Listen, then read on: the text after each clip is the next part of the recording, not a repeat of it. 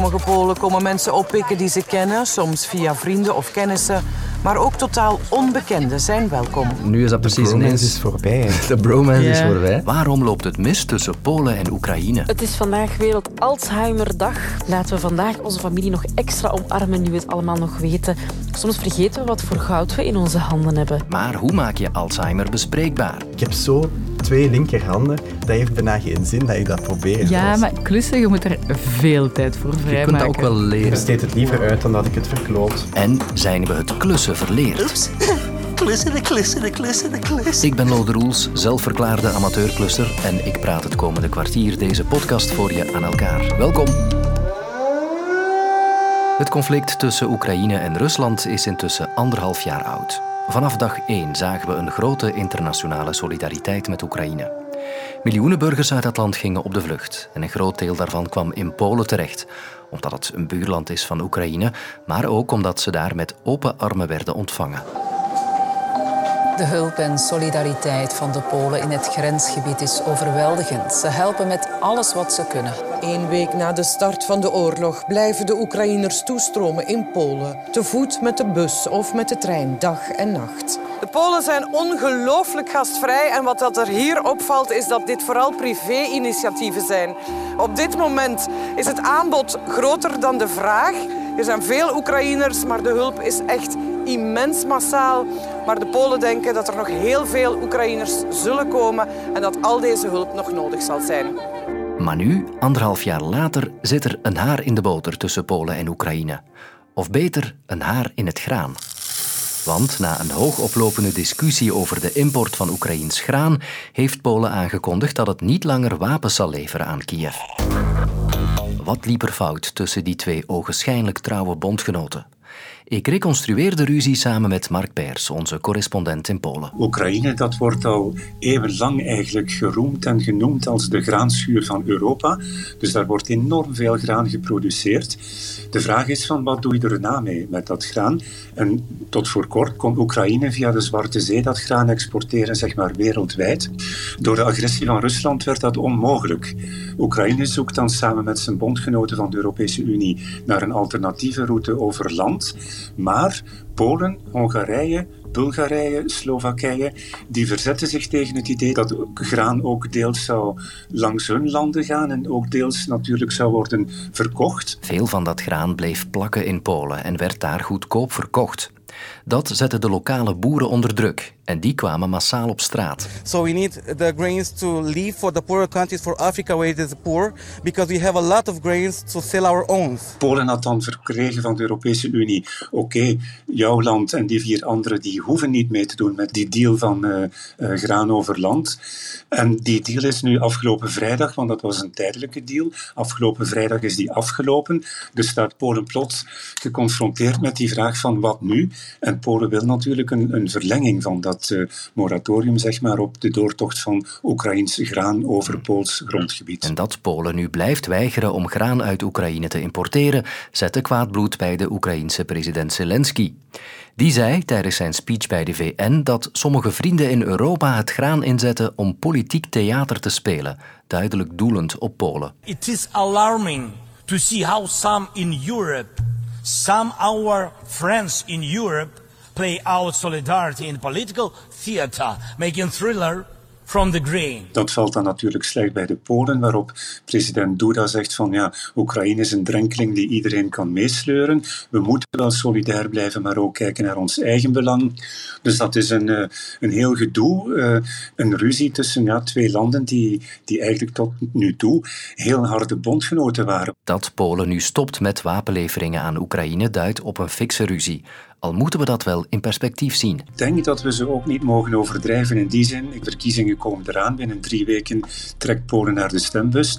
Veel valt te kaderen daarin natuurlijk. Hè, want uh, de regering ziet zich ook geconfronteerd sinds enkele dagen met een, een schandaal met uh, visaverkoop in het Midden-Oosten, waarbij mensen die rijk genoeg zijn gewoon een visum voor Polen kunnen kopen. Terwijl migratie, illegale migratie, migratie van mannen uit het Midden-Oosten, ja, dat is een speerpunt van de campagne. En zeker van de regeringspartij Recht en Rechtvaardigheid. Hè. Dus dat komt op een heel ongelegen moment. En dan is het wel zo handig dat je Oekraïne een beetje kan jennen om de, de aandacht af te leiden van de problemen waar je mee zit qua dat visaschandaal. En de ruzie lijkt ook vooral iets te zijn van politici en diplomaten. Want de gewone Pool blijft solidair met de burgers aan de andere kant van de grens. Als je kijkt naar, eh, naar de internationale secties van de Poolse openbare radio, de eerste tien artikels, en dat is dag na dag zo, die gaan allemaal nog altijd over Oekraïne. Daar druipt nog altijd de solidariteit vanaf. Ook de, de gewone Pool in de straat, die blijft uh, heel aardig en vriendelijk tegen de Oekraïners, of toch de meeste Polen zijn dat tegen de Oekraïners die uh, al met z'n 10 miljoen de grens zijn overgestoken. Hè. De eerlijkheid gebiedt wel te zeggen dat een grote meerderheid daarvan naar Duitsland doorreist. Maar toch, in Polen zijn er naar schatting 1,3 miljoen Oekraïners. En die kunnen nog altijd rekenen op een warm bad van solidariteit, los van dat uh, politieke steekspel op hoger niveau.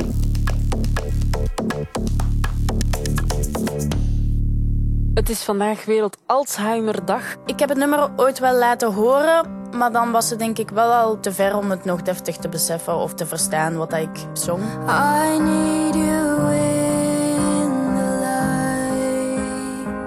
bel met tante Kaat omdat ze een fenomenaal geheugen heeft. En dat is nu iets wat mijn moeder op het einde van haar leven niet meer had.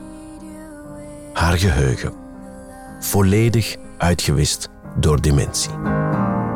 Mijn uh, papa is dus terecht, mijn vermiste papa, die uh, toch zes uur lang ergens rond uh, dwaalde door Gent. Hij heeft Alzheimer.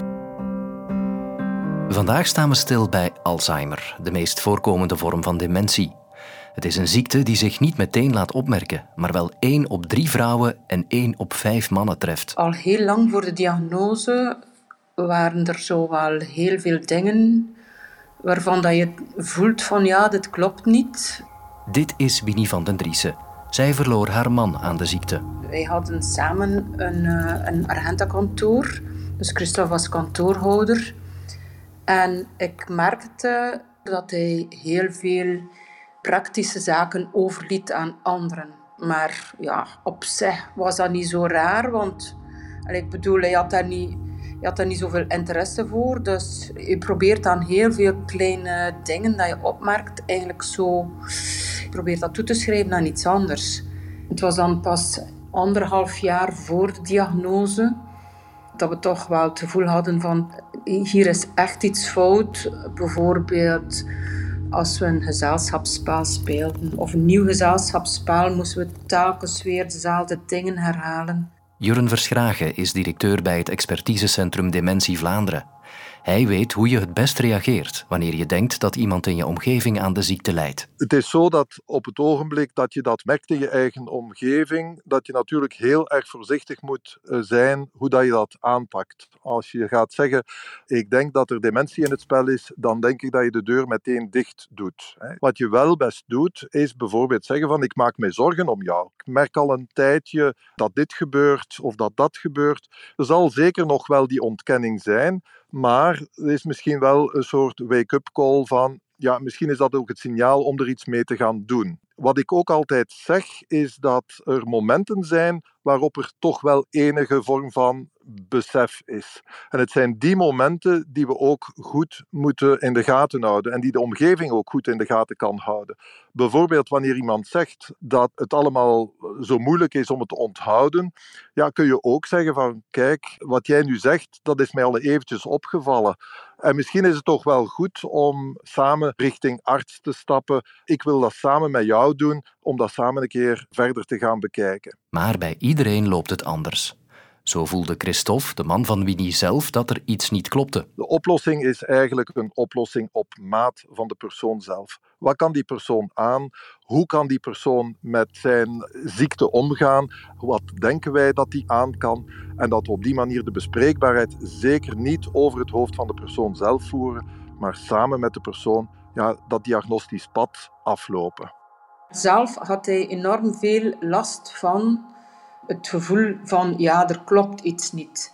Maar ja, we hebben, het, allez, we, we hebben elkaar daar denk ik zo'n beetje in gespaard. Zo van ja, we zien wel. En dan Eigenlijk was het naar aanleiding van een val in de badkamer en een hernia dat hij opgenomen was in het ziekenhuis. En dat we dan ook wel onmiddellijk wisten van, ja, daar zit iets echt fout. Winnie en haar man hebben veel gehad aan centra als het ventiel. Ondanks, allee, en, en ik meen dat, ondanks het zware verdikt dat er was, en wij een geluk gehad bij een ongeluk dat we echt heel veel dingen, nieuwe dingen hebben kunnen doen. Het helpt u om, ja, om niet de ziekte te ondergaan, maar eh, om het gevoel te hebben dat je er op een, uh, een actieve manier toch iets kan mee doen. De ziekte zelf en de diagnose kan je niks aan veranderen, maar ik kan toch wel, denk ik, de manier waarop dat je er eh, omgaat, een beetje zelf in de hand nemen. Soms met een beetje medewerking van, van lotgenoten of van organisaties. Dat was voor ons allee, de, de grootste uh, redding, ik zal het zo zeggen. En als je zelf wat meer informatie wil over de ziekte, kan je terecht bij Expertisecentrum Dementie Vlaanderen of de Alzheimer Liga. Het is eind september, de start van een nieuw academiejaar. Misschien hoor je dit dus wel in je gloednieuwe kot, terwijl je nog snel een lamp in de keuken aan het ophangen bent of een IKEA-kast in elkaar steekt. Of je bent je huis winterklaar aan het maken momenteel. De dakgoten vervangen, de ramen winddicht maken, de garagepoort herstellen, dat soort dingen. De kans dat je dat allemaal zelf doet, wordt echter steeds kleiner. Dat las ik vanochtend in het Belang van Limburg en het Nieuwsblad. Want we zijn het klussen blijkbaar verleerd.